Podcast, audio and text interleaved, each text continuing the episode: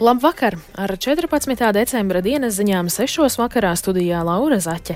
Vispirms ieskats tajā, ko veistīsim. Eiropas Savienības līderi Briselē spriež par attiecībām ar Ukrainu. Saima konceptuāli atbalsta krievu valodas zināšanas prasīt vien atsevišķās profesijās.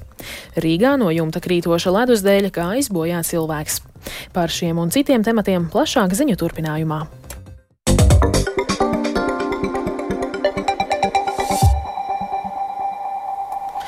Finansiālais, militārais un politiskais atbalsts Ukrainai šodien ir Eiropas Savienības valstu līderu darba kārtībā.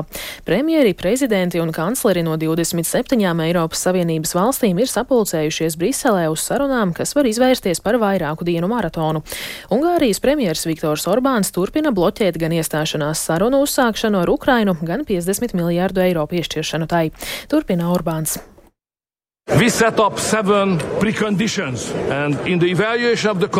Mēs esam uzstādījuši septiņus priekšnoteikumus. Eiropas komisijas novērtējums liecina, ka trīs no septiņiem nav izpildīti. Līdz ar to šobrīd nav nekāda pamata ne par ko runāt, jo priekšnosacījumi nav izpildīti. Mums pie šī jautājuma būtu jāatgriežas vēlāk, kad Ukraiņi būs izpildījuši visus kritērijus. Savukārt Vācija vēlas pārskatīt kopīgā militārā atbalsta piešķiršanas veidu. Eiropas parlamentā daudzi politiķi skaļi iebilst pret šķietamiem mēģinājumiem uzpirkt Orbānu, piešķirot Ungārijai daļu no līdz šim iesaldētajiem Eiropas fondiem. Kā vēstīts, Eiropas komisija šonadēļ nolēma izmaksāt Budapeštai 10 miljārdus eiro, pamatojot to ar prasīto reformu izpildi. Bet lielākā summas daļa joprojām ir iesaldēta. Situāciju komentējusi Latvijas premjere Evika Siliņa no jaunās vienotības. Tas nav bijis politisks lēmums Eiropas padomē. Tad, tad mēs līderu vidū neesam par to lēmuši. Jā, Eiropas komisija to ir nolēmusi. Es uzskatu, ka tas ir lēmums, kas jau ir noticis, un katrā ziņā tas nav balstīts politikā, bet kritērijos. Es tieši tāpat arī sagaidu, ka arī Ungārija saprot, ka tieši šādu pašu kritēriju izpildes rezultātā arī Eiropai šobrīd ir jālemj par finansiālo atbalstu Ukrainai, politisko atbalstu un militāru atbalstu. Tur ir pilnīgi tie paši kritēriji, jo es neredzu veidu, ka mēs varētu apstāties un Ukrainu neatbalstīt, jo tas nozīmē, ka mēs koķetējam ar Krieviju. Decembra sākumā jaun izveidotā Krievijas gaisa desanta spēku 104. gvardes gaisa desanta divīzija visticamāk cietusi ārkārtīgi lielus zaudējumus, nesasniedzot tai izvirzītos mērķus savā pirmajā kaujā Hersonas apgabalā. Tā teikts jaunākajā Lielbritānijas aizsardzības ministrijas publicētajā izlūkošanas ziņojumā. Operācija notikusi pēc jaun izveidotās divīzijas pievienošanās Krievijas Dņepras spēku grupai un tās mēģinājumiem izspiest Ukrainas placdarmu netālu no Krinkijas ciema Dņepras austrumu krastā. Turpina Rustams Šukūrovs. Britu izlūki norāda, ka jaunizveidoto gvardes desanta divīziju vāji atbalstīja gaisa spēki un artilērija. Tāpat laikā daudzi karavīri visticamāk nebija pieredzējuši. Tāpat tiek ziņots, ka pēc incidenta Krievijas militārie blogeri aicināja Dņepras spēku grupas komandieri ģenerāli pulkvedi Mihailu Teplinski atkāpties no amata. Britu izlūki ziņojumā secina, ka tas ir trieciens Teplinska reputācijai kā vienam no spēcīgākajiem Krievijas kara komandieriem, kurš ir arī Krievijas gaisa desanta spēku ģenerālis.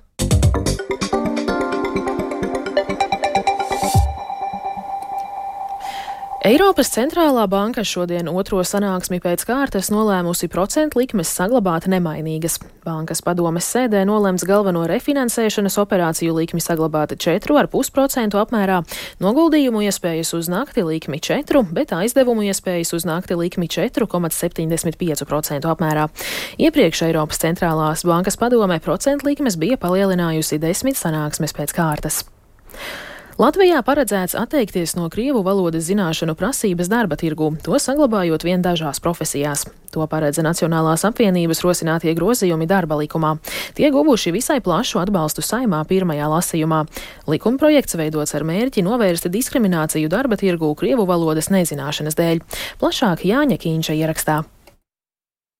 Jau pašlaik likums darba devējiem liedz nepamatot prasīt svešvalodu zināšanas, tomēr formulējums darba likumā ir tik vispārīgs, ka praksē ar to nepietiek. Tā sagatavotās likuma izmaiņas par krievu valodas lomas mazināšanu darba tirgū pamato saimas deputāts Raivis Dzintars no Nacionālās apvienības. Likuma grozījumi paredz būtiski sašaurināt likumā ietverto formulējumu, uzskaitīt konkrētas profesiju grupas, kurās krievu valodas prasības ir pieļaujamas. Turklāt likuma grozījumi paredz, ka nepamatotas krievu valodas zināšanas nevarēs prasīt ne sludinājumos, ne darba intervijas laikā, ne darba līgumā. Šīm darba likuma izmaiņām saimā vismaz pašlaik ir diezgan liels atbalsts, ko apliecināja arī balsojums plenārsēdē. Tajā skaitā atbalstoši šodien bija visu koalīcijas frakciju deputāti. Turpina Agnēs Krasta no jaunās vienotības. Šobrīd krievu valoda tiek prasīta piemēram tādos darbos kā pārdevējs, konditors, traktorists, krāvējs, automazgātājs. Un vismaz 95% gadījumos šāda prasība varētu būt absolūti nepamatota. Situācija ir nepieņemama, jo tā vispirms jau pasliktina valsts valodas lomu, Tomēr nav vienprātības par ideju likumā uzskaitīt profesijas, kurās prasība izmantot krievu valodu būtu pamatota, piemēram, tulkiem, pasniedzējiem augstskolās, arhīvu darbiniekiem. Pret šādu ieceru iebildu progresīvo frakcijas deputāte Mairita Lūse. Mēs nedomājam, ka šo problēmu var risināt vienkārši paplašinot atļauto profesiju sarakstu. Ejot šo ceļu, mēs nonāksim tādā Covid atļauto produktu saraksta virzienā. Pret piedāvātajām darba likuma izmaiņām balsoja stabilitātei frakcija un no tās aizgājusī deputāte Glorija Grefcova. Pretargumentos gan izskanēja arī ar situāciju darba tirgū nesaistīti apgalvojumi. Turpina Aleksis Roslikovs un Glorija Grefcova. Ka minimums 40% no Latvijas iedzīvotāji ir krievu runājoši, un jums to ir jārespektē. Jums nesanāks mūs kaut kāda veida visus izolēt un nosūtīt kaut kur uz mēnesi. Nekas labāk nestiprina latviešu valodu kā latviskās dzīves ziņas mācība. Un es aicinu kolēģi novērst diskrimināciju, neaizliedzot tikai Krievu valodu kā obligāto prasību, bet aizvedot jebkuru svešu valodu kā obligāto prasību. Saimnes deputāti darba likuma izmaiņas otrajā lasījumā turpinās skatīt pavasarī Jānis Kincis, Latvijas radio.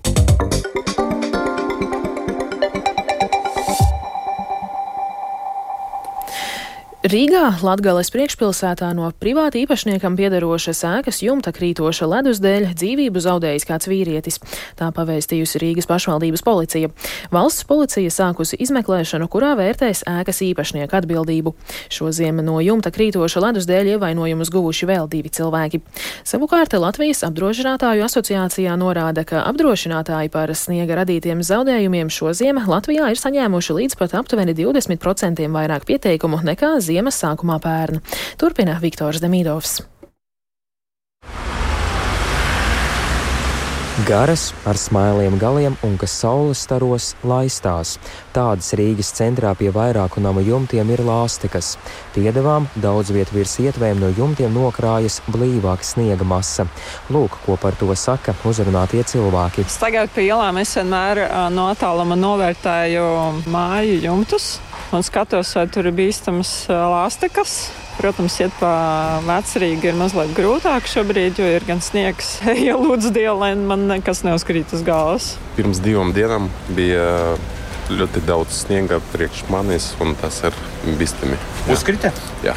Uz galvas jums? Nē, nē, nē. acu priekšā. Tāpēc tas ir bīstami.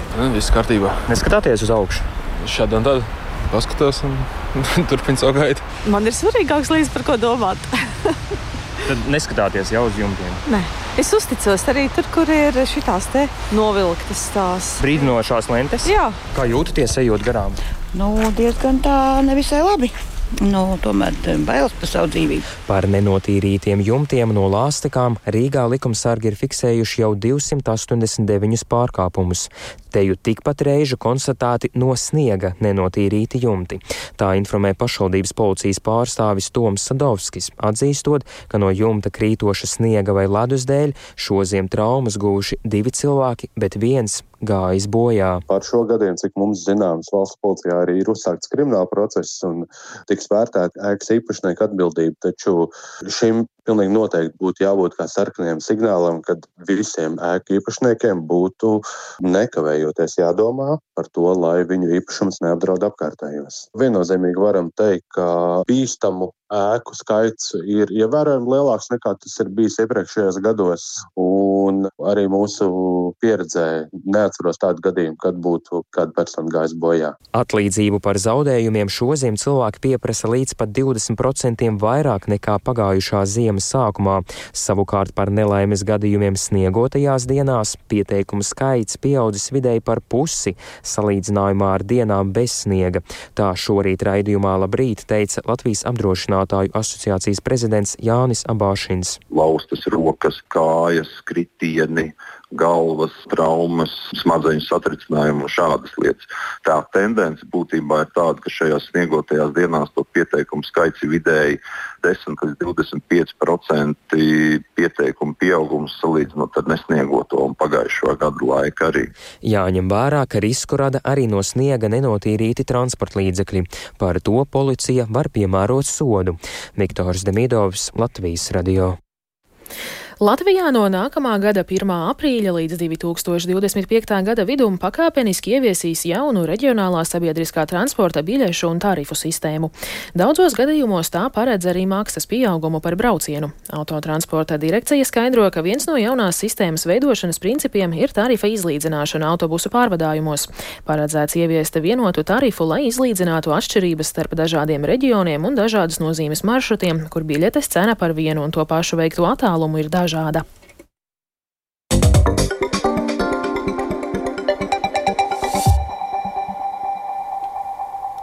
Un ziņu noslēgumā par sportu. Latvijas vīriešu hokeja izlase šovakar sāks pārbaudas turnīru Slovākijā, kur aizvadīs divas spēles. Šī vakara pretinieki būs Norvēģijas hokeisti, un spēle sāksies septiņos vakarā. Rīt gaidāma spēle pret mājiniekiem Slovākiem, kuri vakar ar 9 pret 0 uzveica Norvēģus. Latvijas hokeja izlases sastāvā šajā turnīrā ir deviņi bronzas komandas dalībnieki, bet ir arī daudz jauno spēlētāju. Pieredzējušo un jauno spēlētāju attiecība šajā sastāva modelī modelī ir ļoti laba. Tā uzskata izlases galvenais treneris Harijs Vītoliņš. Ir kaut kāda tāda pārliecība sevī, jo mēs redzam, ka puikas tā tik pārliecinoši jūtās uz laukuma. Ja? Un, nu, ar to, ko mēs bijām, ko mēs rādījām pavasarī, ja? mēs grib, gribu redzēt aktīvu, ātru spēli. Ja? Kopumā jau spēlē komanda. Ja? Un tie, kas iekļaujušies, es domāju, viņiem arī uzreiz radās tāda pieredze, var dabūt. Ja? Jo mums ir puiši atkal divi no zemgales, un, un, un, un tas viņiem būs tāds, es domāju, labs, labs tāds lēciens arī nākamajā teiksim, pusgadā, kas vēl jāizvada.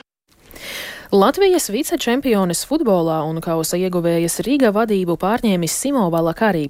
Tā pavēstījis klubs. Somijas treneris pie Rīgas tūres nomainījis Tomislavu Stipiču, kurš galvaspilsētas klubu vadīja 2023. gada sezonā. Iepriekš Valakarī vadīja Auda komandu, kas pagājušajā sezonā izcīnīja Latvijas čempionāta bronzas godalgas. Tāpat Somu speciālista vadībā Auda piedzīvoja debiju Eiro kausos, spēlējot UEFA konferences līgas kvalifikācijas otrajā kārtā.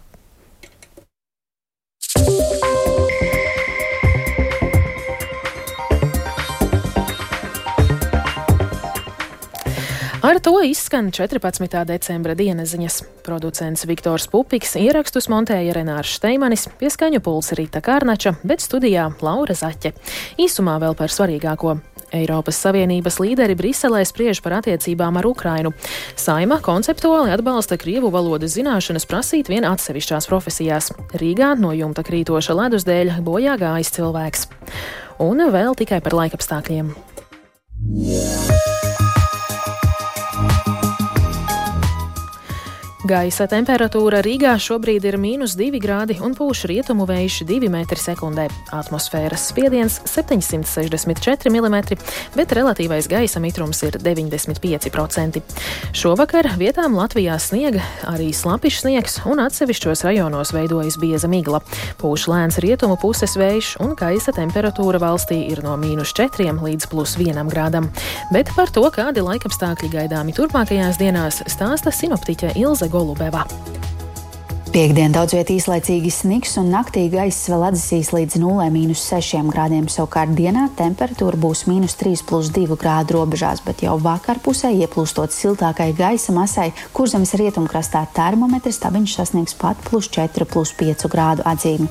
Brīvdienās atpūsnis gaidāms visā valstī. Dienu laikā temperatūra būs plus 1, plus 7 grādu robežās. Daudz vietā gaidāms lietus, tāpat arī slapjš sniegs, bet piekrastē brāzmains vējš. Laiks būs lielāks lielākoties pelēcīgs un dūmakains.